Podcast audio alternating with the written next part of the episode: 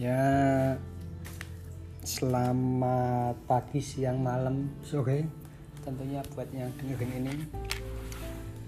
Ini untuk podcast pertama saya ya di Kita Candu. Nama podcastnya Kita Candu. Siapa tahu dengan nama podcast ini, podcast ini kita semua menjadi candu dengan podcast ini. Kali ini saya ditemenin dengan sahabat saya. Sini membahas atau bukan bahas sih ya. Kita cuma ngobrol santai aja tentang ya saya ambil tema intinya tentang cinta sih. Tapi yang gue mau itu cinta yang bagian sedihnya. Kalau lagi seneng-seneng tuh kalau diluapin kurang nyentuh. Kalau yang sedih-sedih kan lebih ngeh di hati gitu loh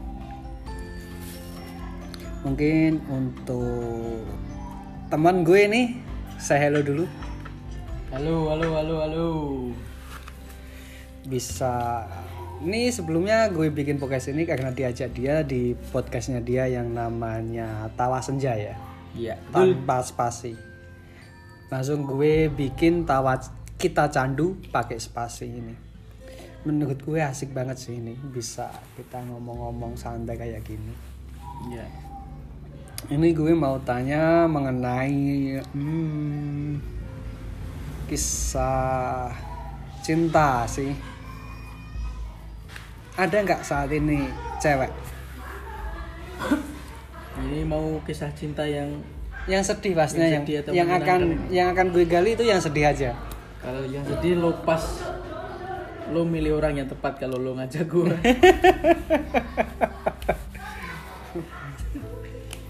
Nah, kalau yang sedih-sedih kan siapa tahu ini seperti deskripsi podcast ini sih. Kita nggak tahu kalimat atau kata mana yang bisa membuat kita bangkit. Nah, mungkin ada teman-teman yang sedang kejebak dalam masalahnya yang saat ini butuh dukungan sosiologi psikolognya itu.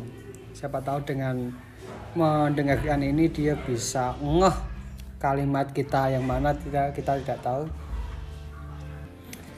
Gimana untuk Ini langsung ke kisah cinta gue ya. Karena kalau di prosentase nih kisah cinta gue itu eh, 99 persennya kesedihan, yang satu persennya kebahagiaan. kesedihan? Iya. Pernah nggak nih?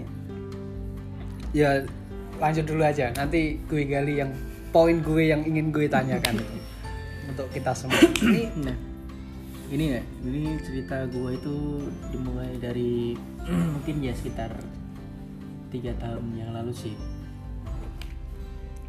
Ini dimulai eh, waktu gua itu, tiga tahun itu awal masuk kuliah kita ya. ya, betul. Eh, itu dimulai itu karena itu dimulai saat gue kenal sama cewek terus itu secara nggak sengaja sih sebetulnya. Nggak sengaja ketemu terus udah kayak sinetron itulah pokoknya. Ketemu saling pandang terus gue kenalan kenalan terus kita tukeran nomor telepon. Terus ya pertama pendekatan lah PDKT PDKT pada punya orang pacaran lah PDKT Poin sedihnya? nah poin sedihnya itu waktu kita udah pacaran udah jadian ya. Udah, udah pacaran dan menjalin hubungan.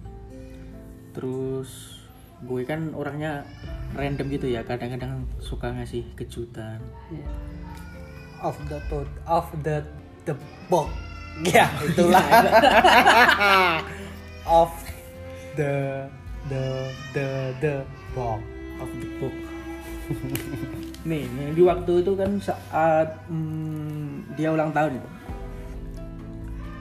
ini disingkat saja ya Iya. waktu dia ulang tahun terus gue itu rencananya mau ngasih kejutan ya ya namanya sama cewek iya mau ngasih kejutan kan harusnya harus yang spesial gitulah iya supaya hal itu terkenang selama dia hidup itu ya Iya. Nah ini kan kita pacaran udah hampir satu tahun. Hmm. Tentunya kan udah mengenal satu sama lain. Nah di situ gue itu ambil punya rencana di situ. Gue itu sehampir satu mingguan lebih lah. Satu mingguan lebih gue nggak ngubungin dia. Sebelum gue memutuskan untuk tidak menghubungi dia itu gue itu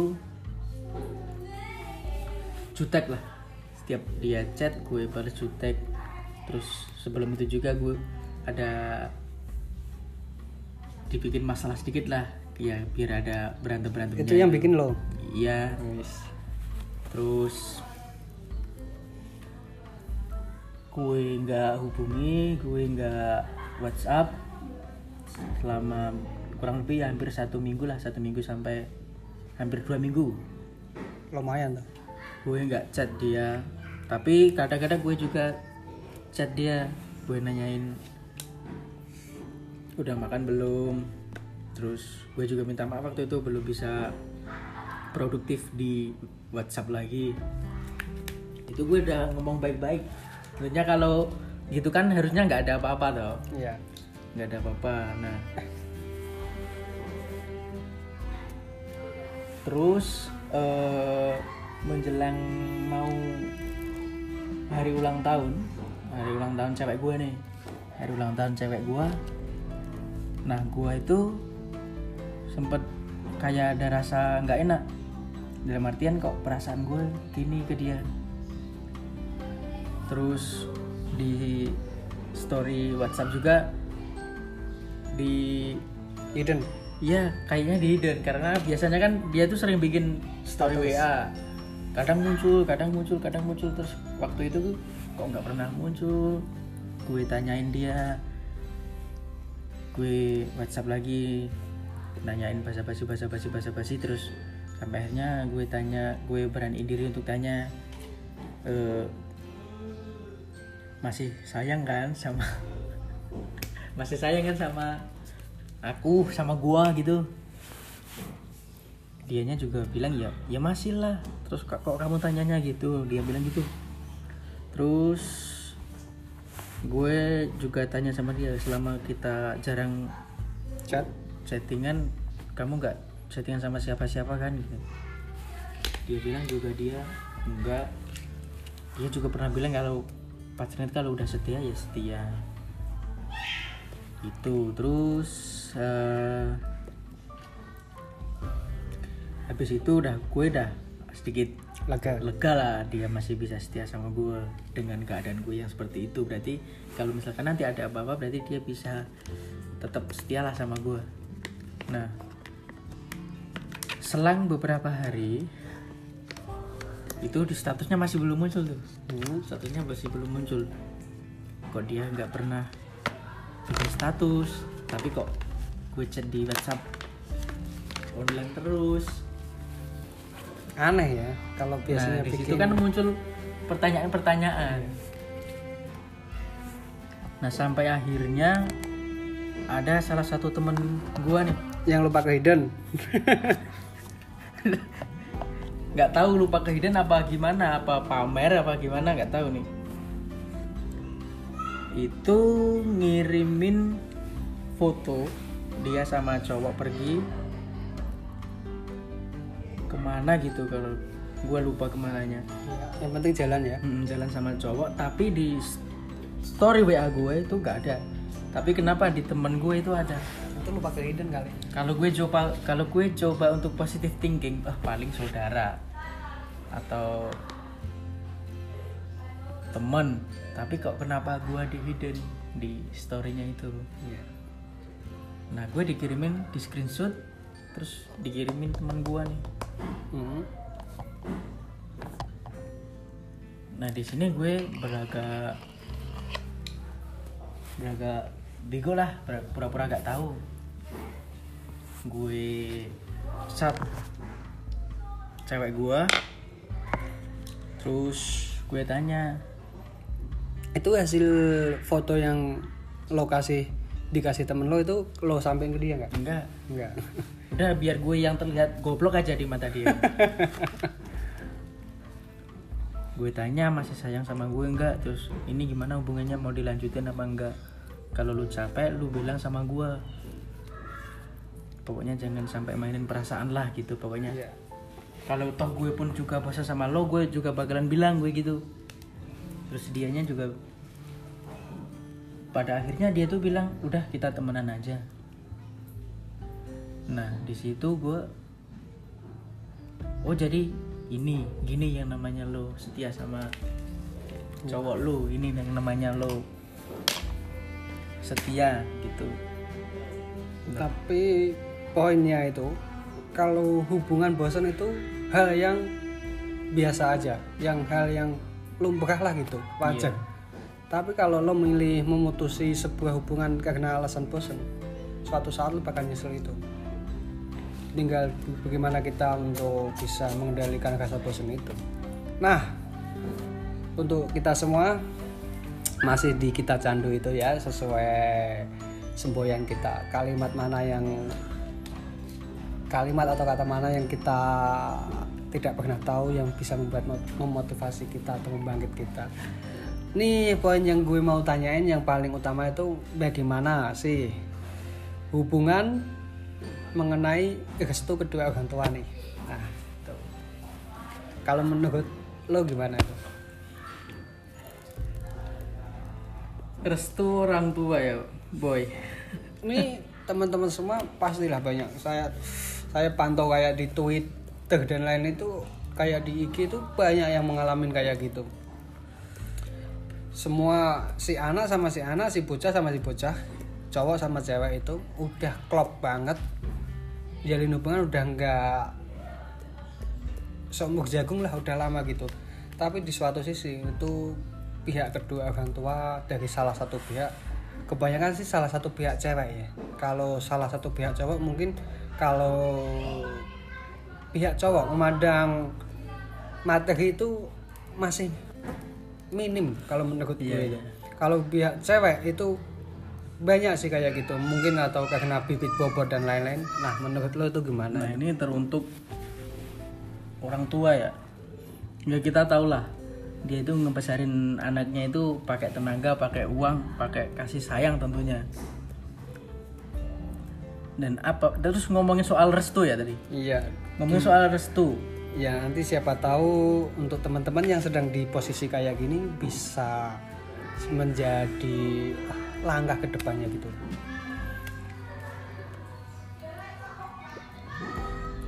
Ngomongin soal restu nih untuk orang tua yang tiba-tiba lo nggak suka sama pacar anak pacar anak anda terus ataupun calon mantu anda misalkan anda belum mengenal tolong jangan nggak usahlah ngurusin yang namanya restu-restu itu.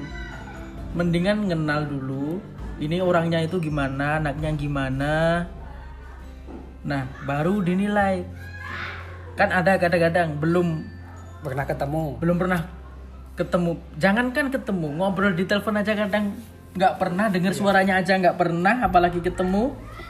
Terus tiba-tiba udah ngejudge si anak ini nggak baik untuk kamu iya untuk anaknya. sedangkan anaknya aja lebih kenal si Iya. cowoknya. Siapa tahu untuk anaknya itu banyak yang dibantu juga loh. Soalnya gini hubungan kalau udah sama-sama sayang itu udah nggak ada hitungannya gitu loh. Nah. Dan sedangkan orang tua kadang-kadang sudah ngejudge mana yang baik buat anak mana yang nggak baik buat anak. Kalau di logika nih ya iya. kan memang dari kecil itu sama orang tua. Tapi kalau udah besar itu apa? 100% orang tua itu memantau atau memonitoring atau mengontrol pergaulan dari sang anak itu. Apalagi kalau bicara tentang anak kuliah. Anak kuliah rumah jauh anak perantauan terus ngekos. Iya lah kan pergaulannya itu lebih luas lagi. Jadi nggak mungkin dong orang tua bisa tahu gimana gimana nya mungkin si anak itu punya sedikit masalah atau kendala dalam hal itu kan otomatis yang paling dekat siapa sih yang bantuin itu? Nah dari situ kan kadang juga kalau kita udah semakin besar ya iya. kadang kita juga nggak terlalu terbuka sama orang tua kan. Iya lebih nyaman ke teman atau sahabat atau orang lain malahan. Ya apalagi kalau itu orang udah punya pacar otomatis semua keluh kesahnya entah keluh kesah soal pekerjaan pelajaran persahabatan kan apalagi soal pacar ya kan nggak mungkin ke orang tua. Mesti kalau dia punya teman dekat ke teman dekat. Apalagi kalau dia punya kekasih pastinya kan harus ke pastinya nih udah pasti pasti curhatnya ke pacarnya lah. Terus dia ada persoalan apa pasti kan pasti yang terdekat lah yang membantu Hmm. lah itu kan ada kebaikan-kebaikan dari seorang lelaki nih lelaki ke seorang perempuan yang di yang dia sudah perjuangkan sudah dia rawat lah istilahnya. Meng- Dia sudah jaga lah ya. di- dijaga diayomi lah. Dan sedangkan orang tua yang nggak tahu siapa cowok ini gimana latar belakangnya gimana tiba-tiba udah ngejudge orang ini nggak baik sama nggak rape nggak baik lah buat kamu. Iya. itu kan gimana? Kalau orang tua aja kalau belum mengenal sifat asli si anak terus tiba-tiba udah nggak suka sama dia kan juga nggak fair juga kan Iya, betul juga itu. Nah, kadang ada suatu saat di mana si anak ini khususnya tuh bukan khususnya sih, tapi kebanyakan kayak gini dialami dari pihak wanita ya. Itu di suatu sisi dia disuruh untuk memilih. Milih orang tua kamu yang besarin dari bayi sampai saat ini dan ibu kandung kamu ini atau milih dia laki-laki yang baru ken- kamu kenal dalam hitungan tahun mungkin. Itu momen kayak gitu tuh gimana itu? Kalau posisi kayak gitu. ya kadang sebagai anak kita harus punya keputusan sih karena kalau kita sudah berumah tangga nantinya ya Iya. itu semua resiko semua tanggung jawab itu di tangan kita bukan di tangan orang tua kita kita Setuju sudah nggak sama orang tua kita Setuju banget itu. jadi langgeng atau lancar enggaknya kita berumah tangga nanti tergantung kitanya kalau kita sampai pil- salah pilih pasangan itu nanti yang rugi juga kita. Yang kenal beberapa tahun terus nikah aja belum tentu bisa langgeng apalagi dari orang tua yang sama sekali belum kita kenal. Ya mungkin ada beberapa yang bisa sampai langgeng tapi kan untuk eh, ke depannya atau untuk beberapa orang kan kadang ada yang nggak terlalu lancar lah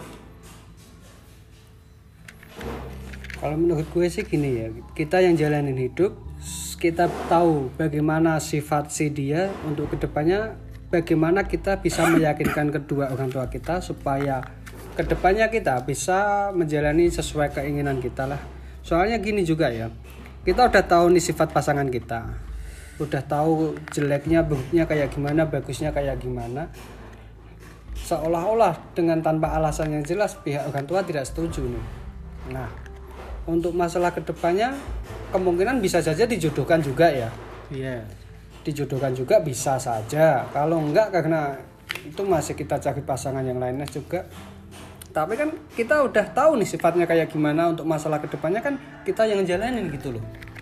Ya iya makanya itu. Untuk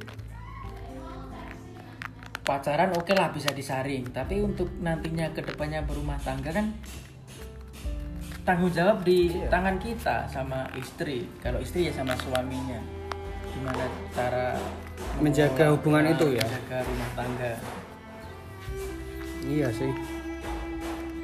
Nah, buat teman-teman yang sedang dalam keadaan kayak gitu, mungkin khususnya pihak wanita ya. Tuh, langkah pertama sih usaha semaksimal mungkin untuk yakinin kedua orang tuanya. Dan yang kedua, jika memang orang tua masih bersih keras dengan keputusannya, ya mungkin kamu bisa mengambil pilihan yang sesuai ke, hati- ke pilihan hati kamu juga ya. Karena untuk masalah rumah tangga itu susah ya kalau soalnya kita jalanin itu bukan hanya setahun dua tahun ya. Kalau Iya. bisa itu selamanya kita pilih satu itu ya satu itu gitu loh.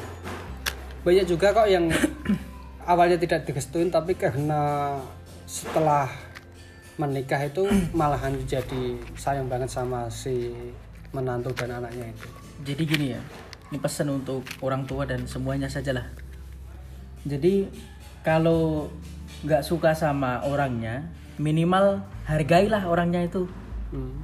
Jangan jangan terus dibenci, jangan terus nggak boleh anaknya gaul sama ini, gaul sama itu. Minimal hargailah.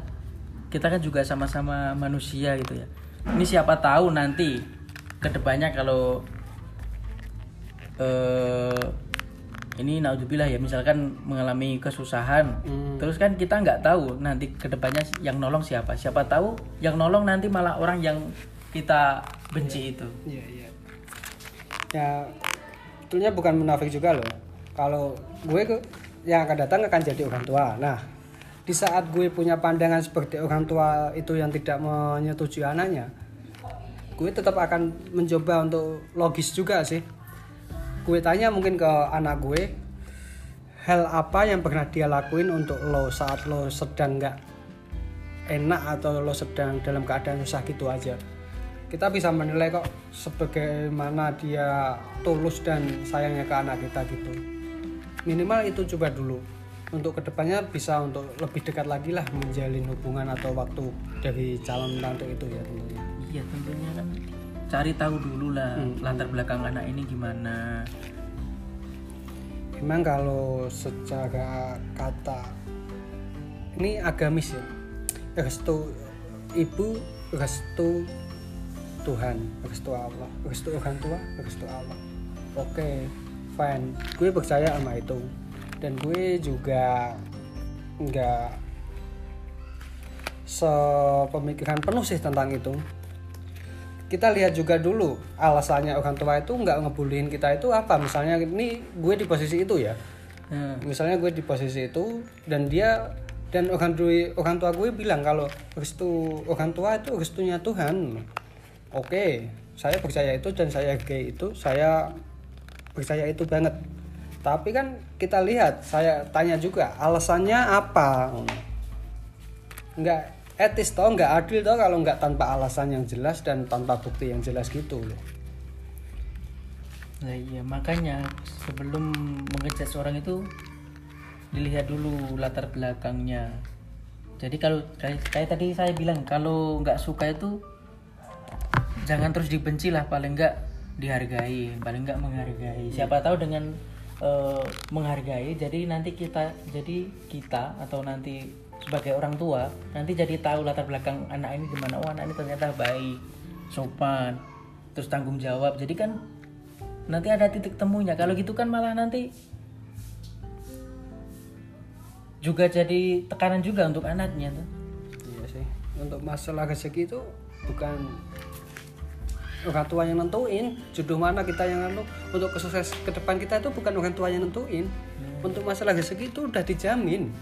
Kalau misal nih ada orang jatahnya itu 10 T sebelum dia mati pun itu diberikan 10 tuntasannya itu kurangannya itu. Jadi untuk masalah semua itu udah ada yang nentuin gitu loh kadang kan banyak nih yang mungkin kalangan-kalangan menengah ke atas itu orang tua maha memandang dari fisik dan materinya ya.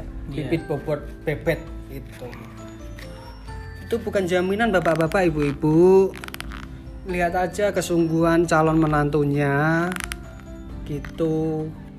Dilihat pengorbanan apa udah berapa lama bagaimana cara dia bersikap saat menghadapi masalah gitu ya ini juga lagi untuk pelajaran nih. Pernah ada pengalaman juga kan ini ada salah satu seorang kekasih. Ini juga berurusan dengan orang tuanya juga ya. Eh awalnya itu orang tua dari yang perempuan itu nggak suka sama yang cowok. cowok. Hmm. sampai dibawa ke orang pintar untuk untuk apa itu? Ngiyakinin ini anak laki-laki ini serius nggak? Apa cuman untuk main-main? Untuk orang tua ya? Eh sebenarnya nih ada kesalahan-kesalahan ataupun kekurangan-kekurangan dari eh, anak anak anda khususnya yang yang sebelumnya itu memang kita tutup-tutupi. Karena untuk menjaga perasaan dari orang tua. Ini kayak kasus yang kemarin saya punya itu pada akhirnya si cowok itu Ini bisa di pause dulu nggak nih? V. gak iso Lanjut aja. dari orang tua dari cowok itu dari si cewek itu nggak setuju dan dulunya nggak setuju banget lah pokoknya kalau sama itu suruh suruh putus aja dan akhirnya nih si teman gue itu udah nggak tahan lah intinya. Terus apa itu namanya? Si HP si cewek sebelum itu kan dititipin di bawah si cowoknya nih. Hmm. Nah itu dibongkar semua. Ternyata di dalam itu banyak chat sama cowok-cowok lain. Dan itu chat romantis semua. Dan pada akhirnya itu dibongkar ke orang tuanya. Hmm. dan pada endingnya itu si orang tua jadi malu sendiri yang dulunya eh, Nggak ngerestuin si cowok itu. nggak merestui atau memandang sebelah mata si cowok nah sekarang malah jadi Anaknya. minta maaf menyembah-nyembah minta maaf nanti saya bilangin ke anak saya kalau bisa diterusin jangan sampai putus pada dulunya nggak merestui nah kalau di situ kan berapa betapa perjuangan cowok itu gimana makanya kan kalau bisa itu dilihat dulu dari latar belakangnya itu gimana si anak itu gimana Sifatnya ya yang pasti. Oke oke oke. Sedih banget sih kalau ada posisi kayak gitu untuk teman-teman semua. Di satu sisi itu pihak orang tua kita sendiri yang membiayai kita yang ya gimana sih Wong namanya juga orang tua ya kalau ada yang menyakiti orang tuaku siapa pun itu akan gue lawan gitu loh tapi di suatu sisi ini gue udah cocok sama dia gitu. Dan orang tua gue belum tahu dalam-dalamnya nih dia dan gue udah tahu dan yakin sama nih dia gitu. Nah tinggal kita kita aja yang mau meyakinkan gitu ya usahanya. Yang penting tuh gini ya kedua belah pihak cewek dan cowok itu bisa komitmen gitu loh. Bisa saling satu menyatu untuk menuju tujuannya gitu ah sebelum kita tutup mau sedikit lagi nih untuk teman-teman. Setuju nggak dengan kalimat ini? Kan gue tadi udah ngomong satu hal. Kalau misal masalah yang tidak bisa diampuni dalam hubungan itu kalau berselingkuhan. Itu kalau di gue. Setuju gak kalau dengan itu? Setuju juga sih. Tapi daripada selingkuh kalau lo bosan bilang aja lah. Nah daripada Gua itu nggak masalah. nah mending itu. Gue mending langsung putus di awal daripada diselingkuhin gitu loh setuju ya iya Nah, nih setuju lagi nggak sama kak statement gue yang ini? Usahakan kalau lo punya masalah, jangan curhat ke lawan jenis. ya setuju Nah, soalnya gini, ini dari gue laki-laki juga. Kebanyakan cewek kalau curhat ke lawan jenis, itu laki-laki banyak yang masuk gitu loh. Walaupun gue laki-laki, gue nggak munafik dengan hal itu, no. itu sama aja itu ada ada anjing lo kasih tulang tuh Nah, gitu loh. Makanya sebi- sebisa mungkin kalau gue punya komitmen itu yang gue satu pegang kalau udah masalah selingkuhan tidak ada ampun. Yang kedua itu gue minta kalau kita ada masalah jangan curhat atau chat tentang masalah lo ke cowok lain gitu loh.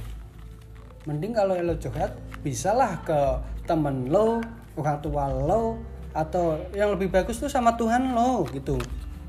Oke, setuju? oke Ya kita sudahkan dulu ya. Ini sudah lumayan, ah sudah lumayan, lumayan, lumayan lama. Kita jumpa lagi di kita candu. Oke, see you.